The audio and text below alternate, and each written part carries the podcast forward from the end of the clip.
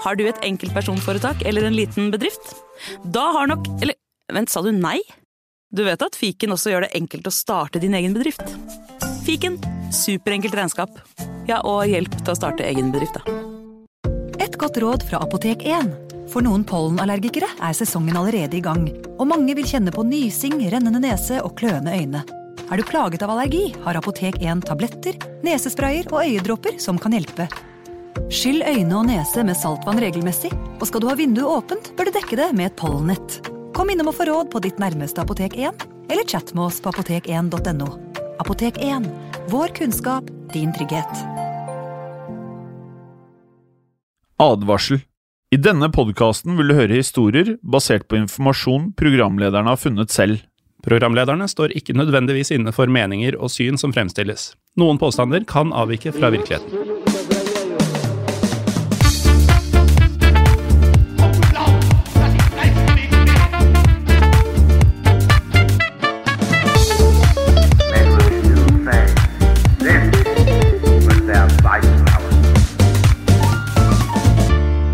Hei og velkommen til en splitter ny episode av Historiepodden WW2. Mitt navn er som alltid Jim Fosheim. Og mitt navn er som alltid Morten Galaasen. Eh, Du sa WW2 denne gangen. Ja, Mm. Hva ville du sagt? Nei, det går an å si det. Det står jo det. Ja, det står det. eh, jeg tror mange omtaler den som historie på den andre verdenskrig.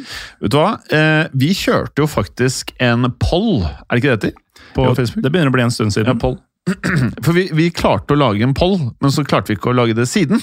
Så vi klarte å lage én poll, og den var populær. Ja, Eh, og etter hva vi kunne forstå, så var eh, da førstevalget For vi hadde forskjellige ideer til tittel på podkasten, og skulle vi da rett og slett ikke kalle historiepodden bare et eller annet annen verdenskrig eh, uten historiepodden i tittelen, så hadde vi forskjellige alternativer, og da var historiepodden VV2 og historiepodden andre verdenskrig de, de var topp to, men det var ingen tvil om at WW2 was the way to go. nettopp. Ja. Og det har jo vi diskutert mange ganger i episoder siden også, men vi, vi har nå Vi står ved det. Nå håpet jeg at du skulle ta en av dine sånne briljante segwayer over til hva gruppen heter. Ja, å, det var sløvt av meg. Ja. Kanskje jeg burde drikke mer kaffe. Nei, fordi den pollen som du snakker om, eh, den eh, ble jo lagt ut i Facebook-gruppa vår, eh, som heter Historie for alle. Visst heter den det. Og den, eh, Vi runda 6000 nå. jeg skulle til å si, den har mange tusen medlemmer. Ja, det er meget. Det er meget. Ja. 6000 individuelle brukere som, eh, som er med i den gruppa. Og det betyr at du som hører på, det er mye bedre å sende forslag og sånn inn dit, for da får du masse respons fra andre enn oss også. Nå leverer du høyt. Mm. Så du, du, du startet bra, og du tok Segwayen etter jeg fortalte om den, og så tok du den nye høyder, du nå. Ja, Ja, det er sånn jeg funker. ja du funker på mange gode måter også. Eh, Historie for alle er jo da på mange måter der vi har samlet alle de historiske podkastene, og vel så det i moderne media. Så du har Historiepodden, Historiepodden VV2, Spionpodden, som er en ny podkast. Ja, den er ny. Ja, den er ny, med, med Ken Vasenius Nilsen, blant annet. Mm. Så har du Henrettelsespodden. Kanskje en av mine favorittpodkaster at the moment. Ja. Eh, og der, det må jeg bare si, eh, folkens, hvis dere ikke har hørt den, der kan dere høre om mye som har med historie å gjøre, men dere kommer også til å høre om ting dere ikke trodde var mulig i prosessen med at et menneske skulle ta seg av dage. eh, både morsomt og tragisk. Og så har du True Crime-poden, du har Synderne. ja, Alt annet av godsnacks. Og alle disse podkastene eh, Hver gang du lurer på hvorfor det ikke kommer en episode av favorittpodkasten din fra moderne media, om det er Hendelsespodden, True Crime-podden, Historiepodden, hva det måtte være, det er fordi vi har laget en app. Og den appen heter Untold. Den er rosa og fin. Du laster den ned på Apple Store, eller, Google Play Store. eller du kan gå inn på Untold.app i nettleseren din. Nå er du god. Ja, du òg. Ja, takk. Eh, første 30 dagene er gratis hvis du ikke har testa det tidligere. Eh, og der er det også masse andre podkaster som du kan høre reklamefritt. Men akkurat disse podkastene må du ha Untold for i det hele tatt kunne høre alle episodene av. Så hørast der inne, går det an å si det? Det går an å si. I dagens episode Morten, så skal vi ta for oss et svært, og da mener jeg svært, interessant tema. Ja, og et tema som vi vel ikke har vært borti i løpet av noen av de 118 episodene vi har lagd eh, ennå. Det er litt utrolig, eller? Det er det. Ja. Vi skal eh, nemlig innom den eh, amerikanske mafiaen versus nazistene. Ja. Og Og det høres her- ut som sånn, du vet eh, når Godzilla versus King Kong. Ja, nettopp! Jeg skulle akkurat til å si det. Da Hollywood begynte med sånn herre okay, Superman versus Batman. nå har vi brukt opp uh, holdt på å si uh, King Kong-konseptet. Bortsett fra hva om vi krysser det med et annet konsept? Og Det høres litt ut som det er det vi skal i dag, men dette er da Sant. ekte. Ja, det, er Det har skjedd. Ja, det er helt, og det høres jo ut som de slemmeste mot de slemme. Mm. Uh, og det er det jo kanskje. Vi får se. Uh, for det viser seg nemlig da at uh, USAs gangstere var eh, ikke veldig begeistret for Nazi-Tyskland. Og det, det kan jeg, jeg kan bare se for meg hvordan de har pratet om nazistene. Ja. Hvor lite de liksom klarer å forholde seg til det. Them Nazis are at it again. Ja, them nazis are out it again. Eh, og under annen verdenskrig da, så var det derfor flere tilfeller der amerikanske myndigheter Ja, dere hørte riktig. Amerikanske myndigheter skal da ha benyttet seg av tjenestene til mafiaen. Ja, så det, det Nazi-Tyskland ble liksom relevant for amerikanske gangstere. Eh, og amerikanske myndigheter skal da benytte seg av disse tjenestene for å kunne legge kjepper i hjulene for både eh, nazistene i Tyskland og fascistene i Italia. Og her skal da USAs myndigheter blant annet ha inngått en avtale med den amerikanske gangsteren Lucky Luciano. Hvor vilt er ikke det der? Jeg klarer liksom ikke å venne meg til det, selv om vi nå har blitt godt kjent med det, vi, da. Ja, nei, altså det, Dette er bare starten. Eh, og Lucky Luciano det var da en mann som visstnok uh, spilte en rolle i den allierte invasjonen av Og dette er kanskje ikke så overraskende når vi først har trekket linjene. Sicilia. Ja. Er du enig, nå har vi spilt inn veldig mye gangster på den sammen, Mm. er du enig at når vi prater om mafia, Lucky Luciano og Cecilia, så føles det som vi har pratet sykt mye om det, men hvis du bare har hørt historiepodden i historie på den andre verdenskrig, så har du kanskje hørt veldig lite om det. Ja, Så tune inn. Helt nytt navn i historiepodden, muligens. Ja, Lucky kanskje. Kanskje. Eh, vi går jo lett i surr mellom podkastene av og til. Um, og dette skjedde da angivelig gjennom å da skaffe informasjon om Cecilia fra de sicilianske mafiakontaktene, selvfølgelig. Mm. Men uh, akkurat dette planlegger vi å fortelle om mer om selvfølgelig en senere episode. Ja, for i dag så skal det først og fremst handle om en annen amerikansk gangster som hjalp til mot nazistene, nemlig Mayor Lansky. Og han kan jeg veldig mye om, Morten, og vet du hvorfor? Fordi du er med i Gangsterpodden. Helt riktig. Eh, og Melansky han var da rett og slett eh, av ikke-italiensk herkomst, som mange kanskje tenker at de fleste mafiaene på denne tiden var. Mm. Han var faktisk da av jødisk opprinnelse og var å anse som en mafialeder, som da på tampen av 1930-tallet da sørget for at eh, amerikanske nazister ble da rundgjort. altså, de var ikke glad i de, og det kan jeg jo skjønne. Nei. Eh, For på denne tiden da, så var det nemlig slik at det fantes en pro-tysk, kan vi jo kanskje kalle det, nazi-organisasjon i nettopp USA. Ja, og denne organisasjonen kalte seg selv for The German American Bund. Um, og I anledning Adolf Hitlers 49-årsdag så arrangerte The Bund en eh, naziparade faktisk midt i New York City. Og Deretter var planen å feire førerens bursdag i et lokalt kasino. Men da Lansky og en annen gruppe med mm, jødiske gangstere da dukket opp, så tok denne kvelden en helt annen vending. For uh, hvordan dette utartet seg, skal vi komme tilbake til, men før vi gjør det, så må vi jo starte eh, historien vår der det hele startet, egentlig. Ja, og da må vi jo introdusere Mayor Lansky nærmere, for eh, dem som ikke har hørt om han mange ganger i Gangsterpodden. Og vi tar oss derfor tilbake til den 4. juli av alle datoer, mm. 1902. Det var dagen da Lansky ble født som eh, noe helt annet, nemlig Majer Sukhovljanskij. Ja. Eh, Han kom da til verden i den eh, belarusiske byen eh, Grodno. En by som på denne tiden var en del av eh, Russland. Og som man kanskje skjønner, så skulle vår mann først eh, senere i livet da forenkle navnet sitt betraktelig og ta navnet Mayor Lansky. Og det skjedde da han flytta til USA. Men akkurat nå så befinner vi oss i det russiske imperiet. Og dette riket da, det ble jo da styrt på denne tiden av tsar Nikolai 2. Ja, og hvis vi eh, skal mimre litt, Jim. Ja. En av de typ sju-åtte første episodene noensinne Ja. av Historiepodden I know where you're going. handla om Rasputin, og det er fortsatt noe av det kuleste vi har gjort, syns jeg. Vi sang! Det gjorde vi faktisk. Akkurat den delen var kanskje ikke av det kuleste for lytterne, Jo. men for en historie! Og Ja, da var tsar Nikolai For noen ganske tilbakemeldinger vi fikk på sangen. Og under Nikolai sitt styre så var da antisemittisme svært, svært utbredt. Og en av måtene dette kom til uttrykk på, var at de russiske myndighetene ofte iverksatte såkalte pogromer mot den jødiske befolkningen. Ja, og et eh, pogrom er ifølge Store norske leksikon følgende.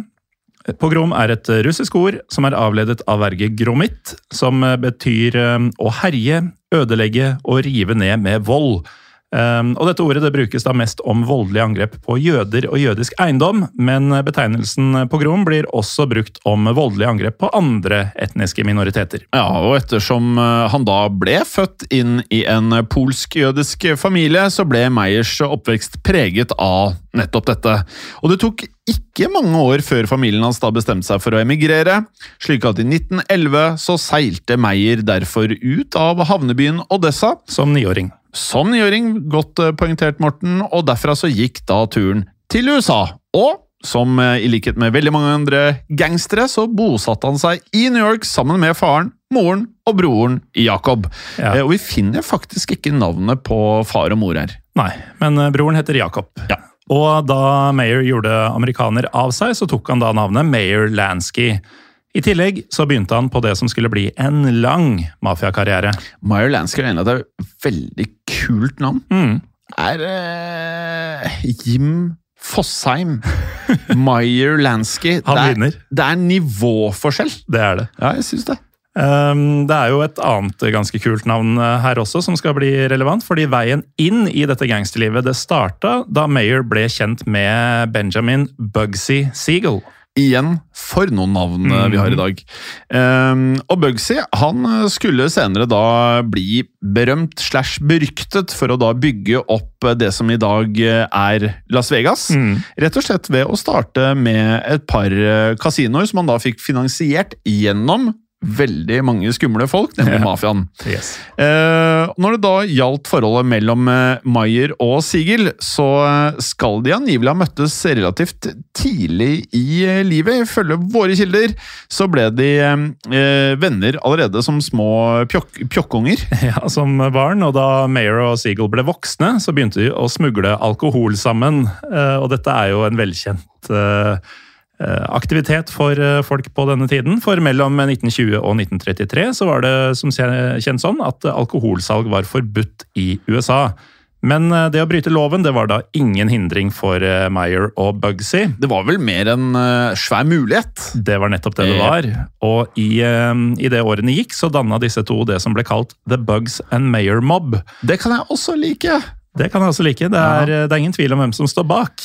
The, the Crazy Hill and River Home Crew. Uh, Waterfall uh, Home. Wat- Waterfall Home Det hadde ikke funka. Nei, det er dårlig. Men uh, The Bugs and Mayor Mob det funka, og det var en mafiagruppe da, som ble kjent som en av datidens mest voldelige. Ja, men Meyer han hadde også blitt kjent med andre gangstere enn Bugsy. Blant annet den tidligere nevnte Lucky Luciano, kanskje av mange sett på som den som virkelig made it av alle gangsterne. Og Luciano og Meyer de skal da nemlig ha møttes som eh, skolekamerater. Så det er litt av et uh, sånn barndomsmiljø disse gutta hang i. Alle tre ble kjent som barn. Ja. For det som skjedde, var vel en dag da de to skulle hjem, altså Lucky, Lucky og og eh, så skal da angivelig Luciano ha prøvd å kreve beskyttelsespenger fra Meyer. Klassisk sånn uh, skolebølleoppførsel. Ja, kanskje i noen miljøer, men Maier, eh, slik vi blir kjent med han etter hvert her, han nekta å betale noe som helst. På tross av at Luciano kom med trusler og var ganske hard mot Meyer, så um, skal Luciano da rett og slett ha blitt eh, imponert over at Maier bare ikke ville gå med på dette her. Ja, respekt, liksom. Ja. Og Resultatet ble da at Luciano og Meyer danna et varig partnerskap. og um, Da han senere gikk gradene i den kriminelle underverden, så ble Meyer en sentral skikkelse i den amerikanske mafiaen. Ja, Som eh, selvfølgelig da har eh, ofte blitt omtalt eh, som et svært syndikat, etter at Lucky da omorganiserte hele måten å drive mafiabutikk på. Ja. Um, og eh, vi kan jo si at det, gjennom dette syndikatet så var det sånn at eh, Mange var jo i de forskjellige miljøene vant til at italienerne de jobbet med italienere. Og var du irre, så jobbet du med irrer. Og var du av jødisk herkomst, så jobbet du med jøder. Men dette syndikatet de skulle tjene mest mulig penger. De, betyr, de var ikke opptatt av hvor du var fra, hvilken religion du hadde, eller hvordan eh, type klær du hadde. Så her var det italienere, det var jøder, det var irrer. Alle slo seg sammen. Og på denne måten så fikk man et aggregert, som man sier. Altså et felles eh, totalprodukt som var høyere enn hvis de jobbet hver for seg. Nettopp. Og denne ordninga ble avtalt etter et eh, møte i Atlantic City i 1929. Og her deltok flere prominente gangstere, blant annet da Mayor Lansky, som var i ferd med å ta en ledende rolle i den såkalte jødiske mafiaen. Ja, og I årene fremover Morten, så organiserte Meyer derfor flere såkalte gambling operations. Og gjennom disse da så tjente mafiaen store, store penger på nettopp det å drive kasino. Eh, Og med tiden så skal Meyer ha opprettet også et globalt Hør på det! Globalt gamblingnettverk. Og dette er altså nesten 100 år siden. Ja. Eh, Det er ikke bare å legge inn ting på en nettside og sånn. Nei, det er ikke det. Og, og for alle som liksom eh, ikke Det er jo mange som eh, er yngre enn oss, som ikke har sett så mye mafiafilmer eller lest bøker og dette her, så er det sånn Mafiaen de revolusjonerte alt som hadde med gambling å gjøre i USA. Eh, men vi skal nå høre, for dette dreier seg ikke om bare mafiaen. Vi må ikke glemme at det der er annen verdenskrig. Eh, han ble i tillegg til eh, en eh, mogul innen kasinovirksomhet, så ble han en svoren fiende av Zenazis. Ja, for i januar 1933 så kom Hitler til makta i Tyskland, og da var det mange utenfor Tyskland som så positivt på dette nye naziregimet, annet i USA. Helt riktig, for allerede i 1924 så ble det nemlig opprettet en naziorganisasjon i USA. Eh, og denne organisasjonen den gikk under The Free Society of Tetonia. Eh, og The Free Society ble stiftet av fire tyskere, kanskje ikke så overraskende, som hadde da flyttet til USA. Eh, og tre av disse mm, grunnleggerne det var brødrene Fritz, Peter og Andrew Gissibel. Ja, Det skrives da G-I-S-S-I-B-L hvis dere ønsker å google. Altså Fritz Peter Andrew Gissibel. Fritz Gissibel. det er tysktalende navn, eh, vil jeg si. Og Både Fritz og Peter de var visstnok da medlemmer av det tyske nazipartiet. Og da de starta The Free Society of Tautonia, så hadde brødrene som mål å øke støtten for tyske nazister i USA. Ja, og da organisasjonen ble eh, oppløst, som den ble i 1932, så var det faktisk eh, ca. 500 medlemmer her. Men allerede i 33, altså året etter, så ble det opprettet en ny amerikansk naziorganisasjon. Eh, Og på tysk så eh, gikk den da under Die Freunde des Neuen Deutschland. Men i USA ble da organisasjonen referert til som Friends of the New Germany. Ganske direkte oversatt fra tysk. Og her var målet igjen da å øke amerikansk støtte for nazismen i Tyskland, noe som denne gangen ble gjort med offisiell velsignelse fra det tyske nazipartiet. Så det var rett og slett formelle, offisielle bånd her eh, mellom på å si, moderpartiet og den amerikanske fløyen. For da Hitler kom til makta i januar 1933, så ga stedfortrederen hans, eh, Rudolf Hess, Ja. en mann vi stadig kommer tilbake til, Altså, Etter vi lagde den dobbeltepisoden om Rudolf Hess, så forsvant liksom det inntrykket jeg egentlig hadde av han som en sånn herre superkalkulert eh, nazist som på mange måter Jeg trodde han var på nivå med Hitler i beslutningstagningen, Mm. men som for alle lytterne våre, hvis dere går inn og hører denne dobbeltepisoden om Rudolf Hess i, altså i Historiepodden VV2, så vil du høre at han er en merksnodig type. Han var en merksnodig type, men det var han som ga tillatelse til at Friends of the New Germany skulle dannes, og denne oppgaven ga Hess til et medlem av nazipartiet ved navn Heinz Spanknøbel. Ja, som deretter reiste fra Tyskland til USA for å stifte den nye organisasjonen. Og selv om Spankknøbel da ble deportert hjem allerede i oktober 1933, så begynte da Friends of the New Germany å vokse i ganske høy takt. Ikke minst da ettersom det da fantes mange amerikanske innbyggere av tysk herkomst. Så det må man ikke glemme. Det må man ikke, for eh, gjennom både 1800- og 1900-tallet så hadde mange tyskere emigrert til USA. Og i eh, mellomkrigstiden var det derfor eh, hele 12 millioner amerikanere som kunne spore sine aner tilbake til Tyskland. Ja, og idet vi da hopper frem til 1935, så hadde da Friends of the New Germany derfor fått om lag ja, eh, 5 000-10 000 medlemmer. Litt mørketall her, altså. Forbausende mange, da. Ja, det er eh, veldig høye tall, for vi husker jo forrige organisasjon ble bare 500. Mm. Mm. Og disse medlemmene besto jo da, som vi da nevnte, hovedsakelig av amerikanske borgere med tysk bakgrunn. Men da den amerikanske pressen begynte å kritisere Friends of the New Germany for eh, det verste du kan kritisere noen for i USA, nemlig å være upatriotisk, Det går ikke. det går ikke. Og det går så dårlig at Rudolf Hess han eh, rett og slett ga ordre om at organisasjonen skulle legges ned. Og dette skjedde da i desember 1935, bare tre år etter Ja. at forgjengeren eh, også hadde blitt eh, nedlagt. Mm. Og i mars 1936 så ble alle medlemmene overført til en ny organisasjon. Det går ganske fort unna her. Det gjør det. De organisasjonene henger i en tynn tråd og inn i nye. Eh, og den nye organisasjonen den refererte de tyske nazistene til som Amerika Deutscher Bund. Og Bund, det på norsk eh, ville vært Forbund, Forbund, ja. ja. Mm. Så, forening. Helt riktig. Så amerikansk-tysk forening forbund. Ja. Men i USA bedre da kjent som The German American Bund. Ja, Så de tok med Bond fra det originale navnet. og uten å, altså Det er rart at det ikke var German American League. Jeg er enig. Men uansett, eh, når det gjelder eh, naziorganisasjonene som oppsto i USA i mellomkrigstida, så kan jeg fortelle at eh, vi håper da å vie en egen episode til det temaet seinere.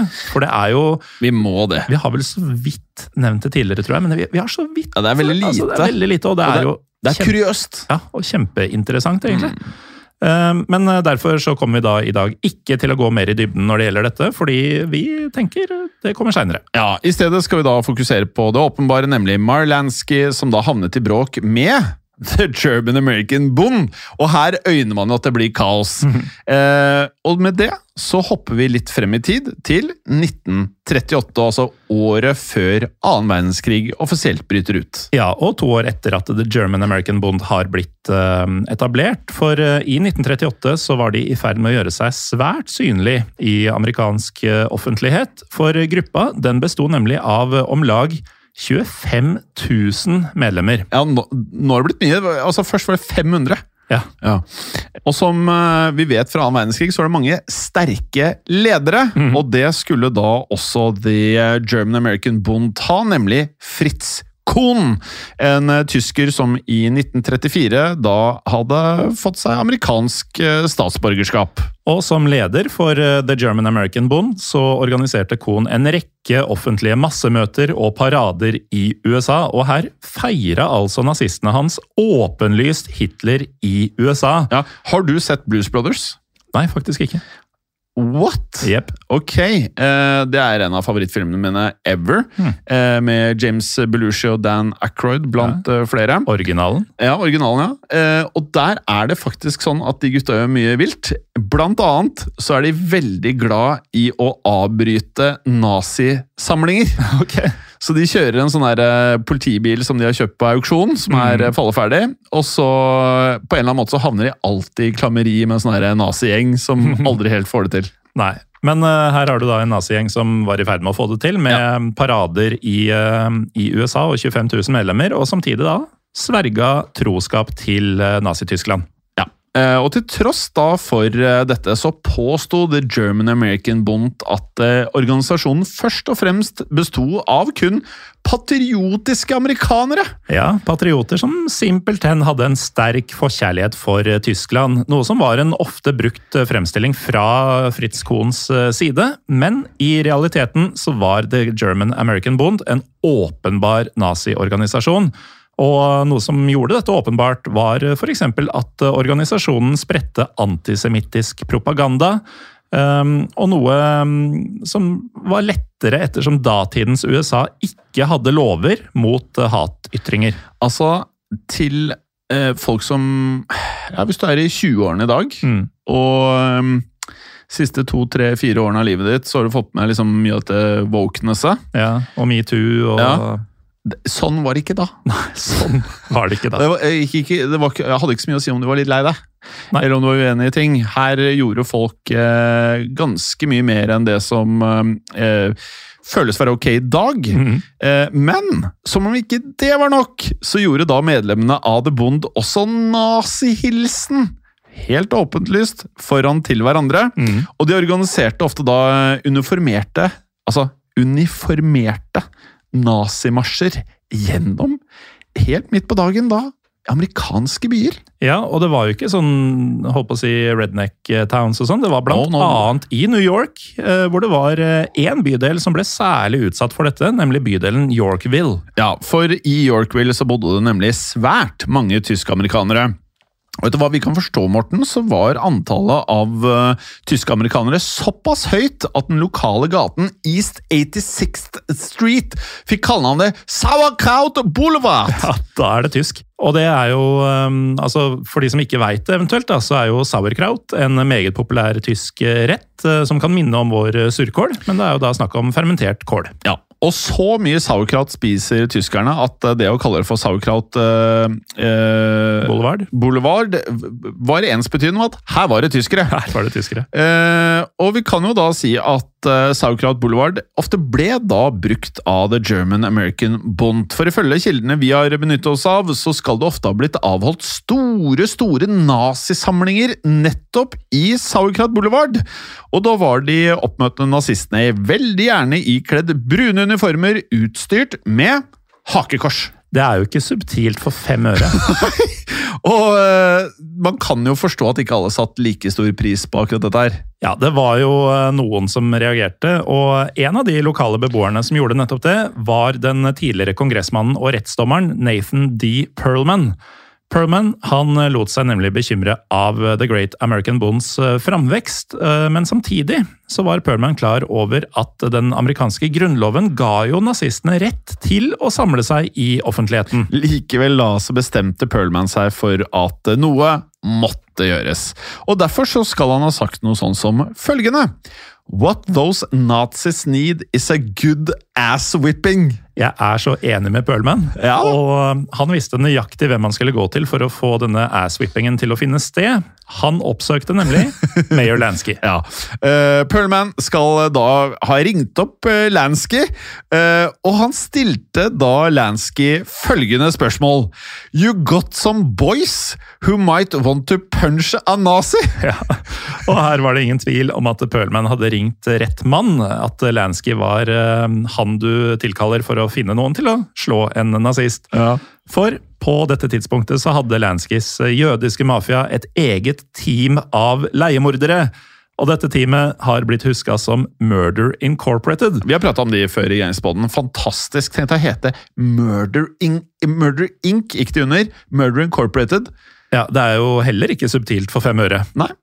Og fra, fra basen sin i nabolaget Brooklyn så fungerte Murder Incorporated som eh, såkalt eh, enforcers for både den italienske og den jødiske mafiaen. Ja, og derfor så skal Lansky ha svart Perlman med å si Respectfully, you understand we can do better than punch. Murder Inc. gjør mer enn å slå. ja. Eh, Men siden Perlman mente at det var dårlig PR å drepe nazister, så sørga han for å presisere at han kun ville at nazistene skulle bankes opp. ja. Eh, og til dette så svarte da Lansky Don't worry, we'll marinate them. We won't ice them. det er jo eh, Jeg håper at alt dette er sant. Ja, det må være korrekt Ja. Ja, og Da Perlman da spurte hva Lansky ønsket som betaling, så svarte Lansky Jeg trenger ingen betaling, jeg er en jøde, og jeg føler for jødene som lider i Europa. Og deretter så gikk eh, denne mm, noe håper holdt på å si unlikely duoen, eh, Ja, Det er unlikely duo, altså. Pølman og Lansky, i gang med å legge en plan. Og det gjorde de sammen med en lokal jødisk eh, rabbi ved navn Stephen Wise. Og slik vi forstår det, så stilte Lansky et viktig krav til eh, Wise, nemlig at eh, lokale jødiske ledere ikke skulle komme med negative kommentarer i pressen om Lanskys angrep på nazistene, og det gikk eh, Wise med på. Ja, du, eh, jeg har aldri eh, Jeg har bare hørt det på film at eh, folk sier rabbi, Mm. men på norsk er det rabbi. Ja, eller jeg har eh, i min dagligtale Det er ikke så ofte jeg bruker det ordet, men eh, sagt rabbiner. Ah. Men eh, så vidt jeg har skjønt det, så er eh, rabbi eh, korrekt oversatt. Og dermed begynte Lansky å rekruttere gangstere, han. Eh, Og navnet på noen av eh, Lansky sine karer skal um, vi, vi kommer tilbake til det. Ja, og jeg gleder ja. meg, for navn det er eh, denne perioden og disse miljøene sterke på. Ja, de er meget sterke på det. Eh, vi kan jo nevne da at Lansky fikk jo også et, eh, et tilbud om hjelp. Og tilbudet det kom jo fra en kjenning, nemlig Lucky Luciano. Ja, og han var jo da, som vi har skjønt, eh, italiensk-amerikaner, og derfor så skal Lucianos tilbud ha innebært at den italiensk-amerikanske mafiaen ville stille med forsterkninger til Lanskys jødiske gangstere.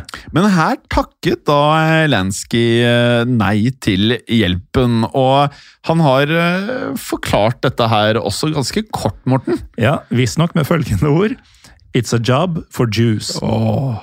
Men han, eh, Lansky, jeg må jo si, han eh, Når vi lager disse episodene, så vi kan jo ikke 100 med sikkerhet si at alle tingene har blitt sagt, og hvordan Mye av det der kan jo også ha kommet fra kilder som ikke alltid er like troverdige eller objektive. Ja, muntlige overføringer og Ja. den type ting. Men det å liksom Han sto imot uh, Lucky som liten. Uh, han, eh, det å ta imot oppdraget her, det er jo ganske sånn du har bein i nesa, altså. Mm. Det er greit å være hardhaus, men uh, dette er heftig. Du skal angripe en organisasjon som har minst 25 000 medlemmer Ja. i deres eget uh, stronghold, altså Ja. deres område. Og når så Lansky hadde takket nei til eh, Lucky sitt eh, tilbud, så satte han seg ned med Perlman og rabbiner Wiese, og skulle da finne et eh, tidspunkt og um, gjerne et geografisk område for å gå til aksjon. Mm. Og datoen som ble valgt var da 20. april 1938. For dette var da, eh, det visste jeg ikke, og det er kanskje ikke en dato man ønsker å minnes heller, for så vidt, men det er en grei um, informasjon å ha hvis man er interessert i annen verdenskrig, og det er nemlig da dette var bursdagen til Adolf Hitler, altså 20. april. Ja. Eh, og i 1938 så var det 49-årsdagen til Adolf Hitler. Og det hadde på forhånd da blitt annonsert at eh, The German American Bond planla å feire Hitlers eh, bursdag, og det skulle da gjøres i den nevnte bydelen Yorkville. Ja, og her eh, planla da nazistene å samle seg ved The Yorkville Casino. Og på veien dit så skulle da nazistene gå i parademarsj gjennom gatene, for deretter å da eh, høre Fritz Kunz, altså lederen, holde tale. Ja, og denne talen skulle holdes i en ballsal som for anledninga hadde blitt dekorert med hakekorsflagg. Og til å begynne med så gikk jo arrangementet som planlagt. Ja, og for etter å ha marsjert gjennom gatene, så samlet det omkring seg 3000 nazister for å høre på Fritz Kohn. Men eh, det nazistene da selvfølgelig ikke var klar over, var at Lansky og eh, de jødiske gangsterne, de var på plass. Dette høres eh, nesten ut som en versjon av holdt på å si, slutten av Inglorious Bastards. Ja, Hvor det også er en infiltrering av et nazitungt arrangement. Ja, veldig. Og hvis dere ikke har sett filmen, gjør det. Fantastisk Ja. film. Fantastisk film. Eh, nøyaktig hvor mange gangstere det var eh, snakk om, det sier kildene ikke så mye nøyaktig om, men vi har grunn til å tro at eh, det kanskje ikke var mer enn 15 mann, altså. Nei, 15-ish mot 3000-ish. Ja, Eh, hvordan denne kvelden arter seg, det, det skal vi høre mer om etter en kort eh, pause. Velkommen tilbake. Før pausen så nevnte vi at eh, The German American Bond var i ferd med å feire Hitlers 49-årsdag. Og med det så hadde de da samla seg 3000 mann, altså 3000 nazister, på The Yorkville Casino. Eh, men da var jo da Meilanski og eh, angivelig 14-15 andre jødiske gangstere også på plass. Ja, og her har vi for øvrig funnet, eh, som lovet før pausen, navnene på noen av disse gangsterne. Blant Lanskis menn så fant man f.eks. Mendy Wise. En, og da er det ikke Wise som i rabbineren, som var W-I-S-E, men her er det W-E-I-S-S. Ja. Eh, En mann som ifølge våre kilder hadde spisskompetanse innafor feltene kidnapping og kveling. ja, altså, eh, du er kjent for å være god på kvele. Ja, Det, Det er spesialfeltet ditt. Ja. Lansky hadde også med seg da eh, ikke Bugsy Siegel, men Bugsy Goldstein.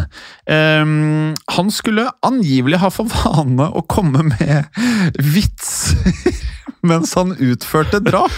Det høres veldig sånn actionfilm ut. Ja. Å ha en replikk klar. Ja, og i hvert fall eh, Det minner meg litt om Joe Pesci. Han, når de drepte eller brant ned restauranter eller hva det var, alltid prata i 100 km i timen og kom med gode og dårlige vitser. Det høres ut som du snakker om Goodfellas. Helt riktig. Mm. Det er jo på sett og vis favorittfilmen min all time. altså Frem til det blir for mye kokain. eh, Goldstein han hadde for øvrig selskap av Harry Pep Strauss. Vet du hva Strauss var kjent for, eh, Morten? Nei. For å være kanskje den beste jødiske drapsmaskinen. Altså, han var en ekte leiemorder. Ja, men uh, dette var ikke alle. Sist, men ikke minst, var nemlig gangsteren Jacob Drucker. Han var bedre kjent som The Icepick Man. og Sikkert bare hyggelige årsaker. ja, jeg tror jo de fleste klarer å tenke seg til dette her, men eh, han ble jo da kalt The Icepick Man på grunn av at uh, Druckers favorittdrapsvåpen, det var en ishakke. Det er så vilt at denne verden skal nå kjempe mot Hitlers sin verden. Ja, Det er liksom det, Med den fremste teknologien innenfor våpen og alt Ja. mulig. Nå har jo ikke de 3000 i denne ballsalen det med seg, Nei. men det er jo to, det er en kulturkollisjon av en annen verden, dette her. Altså, det er så King Kong mot eh, Godzilla. Eh, for det er liksom eh, King Kong han har musklene og kan slå hardt. Godzilla har jo disse strålene og flammene. Det er liksom De hører ikke sammen i samme verden. Nei. Med andre ord så var dette her en gjeng med harde karer eh, som nå gjorde seg klar ved The Yorkville Casino. da. Og Her forteller kildene at Lanskys eh, menn de delte seg inn i tre forskjellige grupper. Eh, en gruppe var utstyrt med balltrær, selvfølgelig, check. Biljardkøer, check. Eh, og de stilte seg da utenfor kasino. Og derfra så planla de rett og slett å bare overfalle det som kom av flyktende Ja. nazister. For disse skulle ikke inn Nei, og gjøre noe, nei, de skulle bare vente på de som kom ut. De sto utenfor med hardt treverk. Ja, eh, Men noen skulle jo selvfølgelig inn her. Gruppe nummer to de gikk inn i kasinoet, og her tok gruppa seg inn i ballsalen, hvor gangsterne fant seg til rette i andre etasje. Og Herfra var planen å angripe nazistene ovenfra. Ja. Og samtidig så tok gruppe tre eh, plass i eh, ballsalens første etasje. Og her fant de seg til rette eh, helt bakerst i rommet, og det kan jeg jo forstå. Eh, og det var eh, Lansky her som eh, ledet denne gruppen, som skulle være kanskje i, i fronten da. Og da nazistene da startet feiringen, så ble Lansky Han ble beskrevet som ra... Han ble sint. Ja. Han, han var sint, ja. Eh, og senere i livet så beskrev Lansky situasjonen på følgende måte. Scenen var dekorert med bilder av Hitler! Det jævla bursdagsbarnet! Ja, og her finnes det også en bok eh, som faktisk skildrer eh, denne kvelden. Eh, Boka heter treffende nok 'Gangsters versus Nazis'. For en tittel! Ja, og den er da skrevet av en forfatter ved navn Michael Benson. Ja, så det, eh, Morten, Mm. vi har jo ikke for vane å kjøpe julegaver til hverandre, Nei, men det er ønsket mitt eh, julen 2023. notert. Noted. Benson han beskriver det som da møtte Lansky og gangsteren hans på følgende vis. Det var hakekors overalt. På scenen ga en mann en tale på samme vis som Hitler. Eh, Han gestikulerte med armene samtidig som det fløy spytt og fråd fra munnen hans. Plutselig begynte en mann i publikum å klage høylytt. Og denne ikke-navngitte mannen skal da ha ropt følgende Kommer noen av disse talene til å være på engelsk? Og bare sekunder etter at dette ble ropt ut, så gikk Lansky og mennene hans til aksjon. Ja, og, og det er viktig, man må liksom se dette her for seg. Mm. Dette her er 15 harde New York-gangstere som nå er lei. Eh, og da gangsterne da angrep fra alle forskjellige steder, så brøt det først ut eh, 15 eh, veldig spesifikt separate neveslagsmål. Eh, men selv da om gangsterne sto overfor 3000 nazister, så var det ikke nazistene som hadde oddsen på sin side. For Lansky og gutta hans de var jo vant til å være litt i skuddlinjen. Ja, dette var en uh, situasjon de var veldig komfortabel med. Ja. Mens uh, holdt på å si, selv om du er nazist, så trenger du ikke å være spesielt vant til vold. Nettopp. De her var jo vant til å skrike høyt og tale og få opp uh, flagg og stevner. De ble skrekkslagne. Ja, de stivna nærmest, og i løpet av kort tid så ble gulvet derfor strødd med skada nazister. Og noen av disse nazistene ble slått bevisstløse av eh, hodeskader. Mens andre ble liggende på gulvet med brudd i både armer og bein. Så denne marineringa som Lansky hadde lova, den, eh, den leverte han på. Og um, slik kildene forteller det, så var gangsternes eneste utfordring i møte med disse 3000 nazistene å unngå at eh, nazistene ble drept. Ja. Og det var det bare så vidt eh, gangsterne klarte. Det er riktig det, for eh, to av mennene til Lansky de bare rundhjulte en eh, nazist som da hadde vært eh, kanskje litt eh, frekk i, i eh, munnen tilbake. Så de kasta han fyren her ut av et eh, vindu fra annen etasje. Eh, men vi forstår det som at han da faktisk overlevde fallet. Det var sikkert ikke behagelig. Nei, det var det nok ikke. Um, men da de hadde delt ut nok eh, juling, så kasta Lansky og gangsterne fra seg disse slagvåpnene sine, og forsvant eh, deretter ut av kasinoet og inn i nattemørket. Og det viste seg raskt at eh, dette angrepet fikk nøyaktig den effekten Perlman, Lansky og Vice hadde håpet på. For neste gang The German American Bond forsøkte seg på et arrangement, så møtte ikke opp 3000 mann. Nei, dette mislykka nazimøtet det fant sted i White Falls, som er en by som ligger ikke langt unna New York City. Og av de tusen 1000 nazistene som Fritz Kohn hadde håpa ville dukke opp her, så var det faktisk bare 250 som eh, møtte opp. Og selv om disse 250 nazistene hadde fått eh, politibeskyttelse for å da gjennomføre dette arrangementet, så hadde Lansky og gangsteren hans planer om å ja, forstyrre dette møtet. da. Lansky hadde nemlig betalt to eh, lokale jødiske tenåringer om å da rett og slett smugle inn glassflasker, som da skulle kastes mot nazistene. Ja, og da møtets eh, første taler hadde begynt å snakke til forsamlinga, så ropte den ene av gutta ut følgende Hitler har bare én testikkel! Og deretter så kasta begge guttene flaskene sine mot eh, scenen, og da flaskene knuste, så viste det seg at de inneholdt stinkbomber. Ja, Noe som gjorde at publikum la på flukt for å unnslippe nettopp eh, stanken, og dermed så hadde Meyer Lansky stansa nok et nazimøte. Hva eh, hadde du syntes vært verst? Og, eh, at noen sa at Hitler hadde én ballesten, eller at det lukta vondt? Eh, jeg hadde syntes lukta var verre. Ja, jeg også.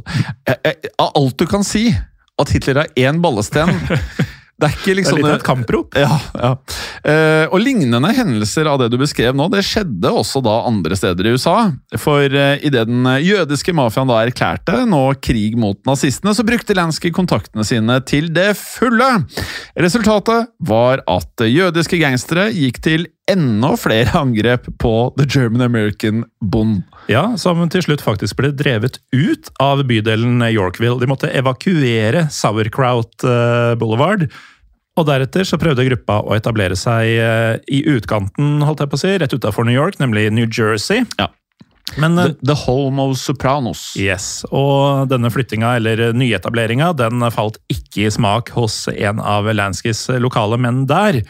Det var da en annen jødisk gangster ved navn Longy Swillman, Ja. som også fikk en telefon fra dommer Perlman. Ja, Det som deretter eh, skjedde, må man nesten kunne si har eh, litt sånn Inglorious Bastards-vibb over seg. Ja, og vi må igjen si, har du ikke sett den, så vær så snill. Jeg tror den ligger på Netflix eh, fortsatt. Eh, Den er i hvert fall streambar et eller annet sted. Ja. Den, du, du må se den, og har du sett den før, så må du se den flere ganger. ja, jeg har sett den to-tre ganger. Det er helt fantastisk. Mm. Eh, uansett, da, helt kort så dreier filmen seg om da en gruppe amerikanske soldater som da går løs på nazistene, og er selvfølgelig da laget av den største av dem alle, Tarantino. Yes, og um, i filmen så er det da en karakter som går under navnet Donny Donowitz, men han er bedre kjent uh, under kallenavnet i filmen, som er The Bear Jew, altså bjørnejøden. Og eh, The Bear Jew, eller Donny Donowitz, han bruker da et balltre i denne filmen for å banke nazister. og jeg sier banke, det er en mild underdrivelse, for det er jo å klubbe i hjel nazister som han driver med. Kverne menneskekjøtt. Ja, med et Ja, balltre. ja. Og da kan man jo da lure på om Tarantino har henta litt inspirasjon fra de jødiske gangsterne vi snakker om. Ja, for her er det muligens noen likheter, altså. For eh, da dommer Perlman da kontaktet Swillman, så um, sa nemlig Swillman seg villig til å hjelpe. og Derfor så ga Swillman ordre om at eh, gangsterne hans skulle opprette et crew som hadde til formål å banke opp nazister. uh, og det er jo ikke helt ulikt, da. Eh, og jobben da med å sette sammen dette crewet da, gikk til en lokal bokser ved navn Nat Arno, som hadde et eh, litt interessant kallenavn. For han gikk under Nat the Fighting Hebrew Arno. Og Nat han sørget derfor for å rekruttere flere jødiske boksere, i tillegg til gangstere. Og vi forstår det som at denne, denne, dette crewet til eh, The Fighting Hebrew, det var harde folk. Ja, eh, Blant dem så kan man f.eks. finne en mann ved navn Jaime the Weasel Kugel. Weasel er jo røyskatt, Ja. altså Jaime røyskatten Kugel. Eh, Ifølge våre kilder så skal Kugel deretter ha blitt eh, sett mens han eh, slo nazister bevisstløse med en steikepanne. Ja, og senere i livet så skal The Fighting Hebrew ha sagt følgende om sin deltakelse da i angrepene på nazistene. Busting up those Nazi creeps sounded like fun. Og da virka det som at de andre bokserne som The Fighting Hebrew rekrutterte, var av samme oppfatning. For ifølge informasjonen som vi har oppdrevet, så skal nemlig boksemesteren Harry the Dropper Levine ha mm, slått knockout på en rekke nazister. Og for flere av jødene i crewet til Nat Arno, The Fighting Hebrew, så ble det nærmest, som han eh, sa, en morsom hobby å banke nazister. Derfor skal en av de jødiske gangsterne ved navn eh, Puddy Hinkes ha sagt eh, følgende om nazistene. Det er bare så synd at vi ikke kan drepe dem alle sammen. Likevel så var fremgangsmåten man hadde da valgt svært effektiv. For under ledelse av um, The Fighting Hebrew så ble det nemlig dannet en lokal eh, gruppe, eller et crew, kalt The Newark Minutemen. Eh, når det gjelder dette navnet, da, så kan vi eh, si såpass at eh, Newark eh, er den største byen i eh, delstaten New York, nei, New Jersey. Det stemmer, og det er også her en av flyplassene som man bruker til New York, eh, ligger. Ja, det er vel Jeg har bare landa der, jeg tror alle flyplassene her. Mm. Og ordet Minutemen i dette eh, navnet på crewet, det var rett og slett et eh, navn på militssoldater fra den amerikanske revolusjonen. Altså, Minutemen kunne da mm, mer eller mindre da være klare til å fighte på under et minutt. Det var liksom tanken med navnet, da. Ja, og The New York eh, Minutemen de besto da av de nevnte bokserne, i tillegg til andre jødiske gangstere. Og sånn vi forstår det, så vokste gruppa med tiden, og det har blitt hevda at The New York eh, Minutemen til slutt fikk over 1000 medlemmer. Er du klar over hva du er skrudd sammen av hvis du er villig til å være klar til å slåss på under 60 sekunder?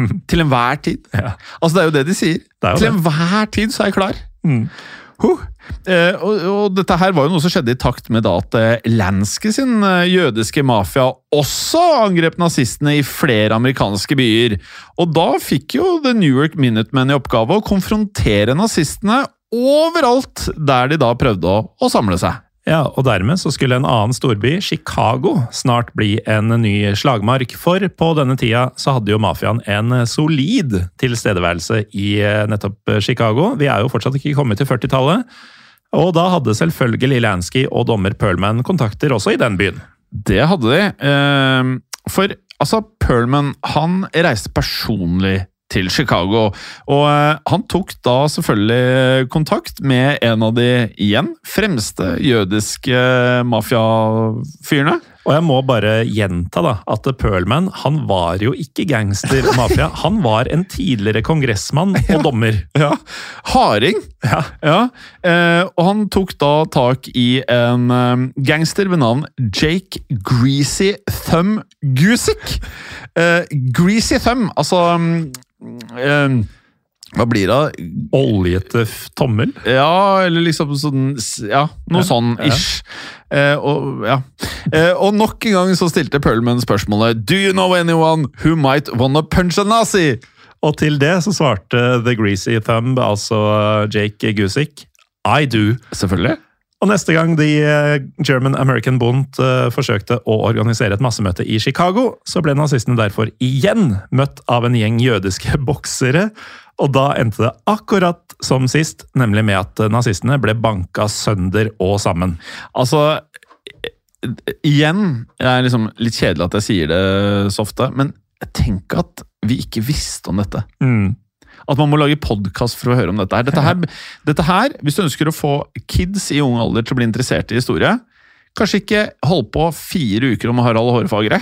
Og Det her er haugianerne og sånn. Ja, dette her er interessant. Dette, hvis du ønsker å få unge, unge barn til å bli interessert i historie, fortell dem om sånne ting som dette. Det er nesten du tror ikke er sant, men det er sant. Um, og dette her uh, vi beskriver, altså det at uh, nazistene fikk juling uh, gang etter gang, det skjedde egentlig over hele USA. Ja. Og det var da jødiske gangstere og boksere som stort sett sto bak. Ja, og øh, gjennom store deler av 1938 og 1939 så sørget Lansky øh, mer eller mindre for at den jødiske mafiaen angrep nazistene overalt det var muligheter for å gjøre det. Blant annet i Detroit, i Cleveland, og også LA blir spesifikt øh, nevnt her. da. Og ved hver anledning så ble utfallet basically det samme. Eh, For i møte med gangsterne så ble nazistene de ble most. Ja, og derfor så beskriver kildene hvordan noen nazister skal ha løpt gråtende av gårde mens de holdt eh, hendene sine foran ansiktet, og mot slutten av hvert angrep så skal gangsterne ha trua med å dele ut mer vold i fremtiden. Og Derfor så skal en gangster på et tidspunkt ha uttalt følgende til et av naziofrene nazi-ofrene sine. Neste gang kommer vi ikke til å være like trivelige. Altså, Det høres ut som filmreplikker, men så har det skjedd. Mm. Det er helt vilt.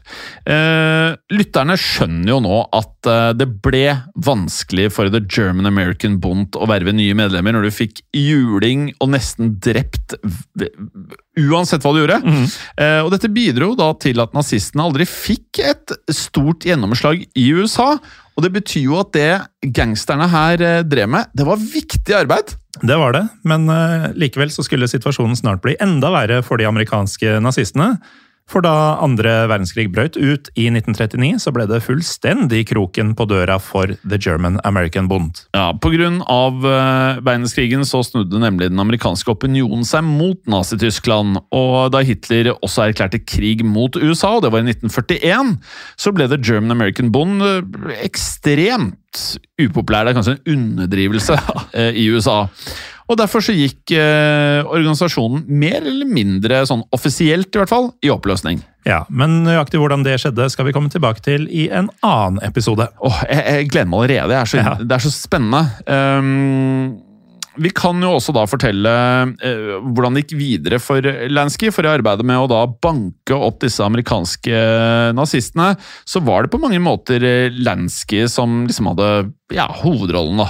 Ja, men det var han ikke opptatt av å få oppmerksomhet for selv. Eh, Når det gjelder sin egen deltakelse, så var Lansky tvert imot eh, ydmyk, og han skal faktisk ha forklart kampen sin mot nazistene ved å si følgende Det var min patriotiske plikt. Ja, og med det sagt så tok annen verdenskrig som kjent slutt i 45, og da krigen var over, så fortsatte jo da Lansky mafiavirksomheten. Men i motsetning til veldig, veldig mange andre gangstere som vi prater om i Gangsterpodden, så ble han aldri dømt for noen form for omfattende lovbrudd. Vet du hva, Den eh, historien her, og rollene folk har hatt, eh, og hvem som er hvem og sånn vanvittig! Det har blitt sånn Jeg hadde nesten glemt at eh, han var mafia, hvis du skjønner Ja, hva jeg mener. ja, ja. At han er faktisk en av the bad guys, han også. Ja. Så det er nesten sånn derre Å, for en helt, har man sittet og tenkt. But he's our bad guy. Yes. Men du sa han ble aldri dømt for omfattende lovbrudd. Det eneste Lansky ble tatt for, det var faktisk ulovlig gambling. Likevel så var han eh, utvilsomt skyldig i langt større forbrytelser enn det. Ja, og Den dag i dag så huskes Zelenskyj derfor som en av USAs aller mest vellykkede gangstere, i den grad parameterne dine er inntjening, ikke bli tatt og kunne leve et liv mange av disse her lever jo ikke til de er 50 engang. Så han, han var suksessfull. Um, og det at han da var helt sentral med sin rolle som den amerikanske mafiaens pengemann. Ja, fordi eh, han fikk jo da gjennom den rollen kallenavnet The Mobs Accountant. Og det sier ikke lite. Det sier ikke lite, og når det gjelder penger, så har det blitt hevda at Lansky på et tidspunkt hadde en skjult formue på 20 millioner dollar. Og nå skal vi huske på, for det er veldig aktuelt i verden i dag, nå prater man om inflasjon. Tenk deg hvor mye inflasjon det har vært siden denne tiden, når du tenker på at bare i fjor så økte konsumprisindeksen med 7% på ett år. Ja, så denne skjulte formuen på 20 millioner dollar den gang ville i dag tilsvart ca. 1,8 milliarder kroner. Og da hadde du vært en av Norges rikeste menn. Men 15.1.1983 så døde Maier Sjukaljanski, bekjent som Majerlanskij, omsider av lungekreft, og da var han blitt 80 år gammel. Og eh, Morten, idet vi da eh, runder av, så eh, kan vi jo eh, si såpass at eh, han også inspirerte en av eh, ja, Kan vi kalle det hovedrollene av Fiender slash venner av The Godfather i Frenemy. Ja, Frenemy. Nemlig eh, Hyman Roth, Mhm. som da samarbeidet med faren til Al Pacino, så selveste Godfather. Ja. Og så skal Al Pacino da på en eller annen måte finne ut om Hyman Roth prøver å ta livet av han, eller om han er en venn. Ja. Eh, og hvis dette kommer som en spoiler alert, så vil jeg si at eh, da har du sett særs lite film. Ja.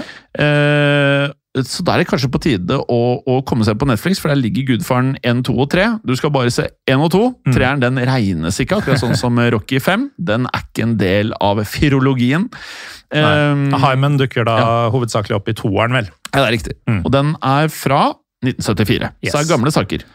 Ehm, med det så har vi jo nevnt hvor man finner de ukentlige episodene hvis man nå sitter på Spotify eller iTunes og hører på. Det er da appen Untold, Untold. som du får tak i der du laster ned apper. Ja. I tillegg til nettsiden untold.app. Ja. Ukentlige episoder helt uten reklame.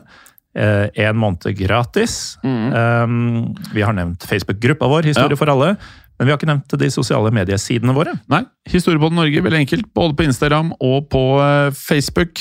Eh, og igjen, mye eksklusivt innhold på Untold. Vi har jo en splitter ny podkast, ikke episoder. En splitter ny podkast. Samlingen av Japan, den slippes kun eksklusivt i Untold. Det gjør den. Morten, Mm. det her har faktisk skjedd. Og det betyr at det kan skje igjen. Ha det bra. Ha det! Historiepodden ønsker å takke følgende. Dere som hjelper oss som sitter i produksjonen. Dere som hjelper oss som sitter i redaksjonen, inkludert eh, tekstforfattere. Det er helt riktig. Og dere som sitter på marked, som faktisk da gir oss muligheten til å drive med Historiepodden. Og selvfølgelig alle dere som hører på. Tusen takk. Moderne media.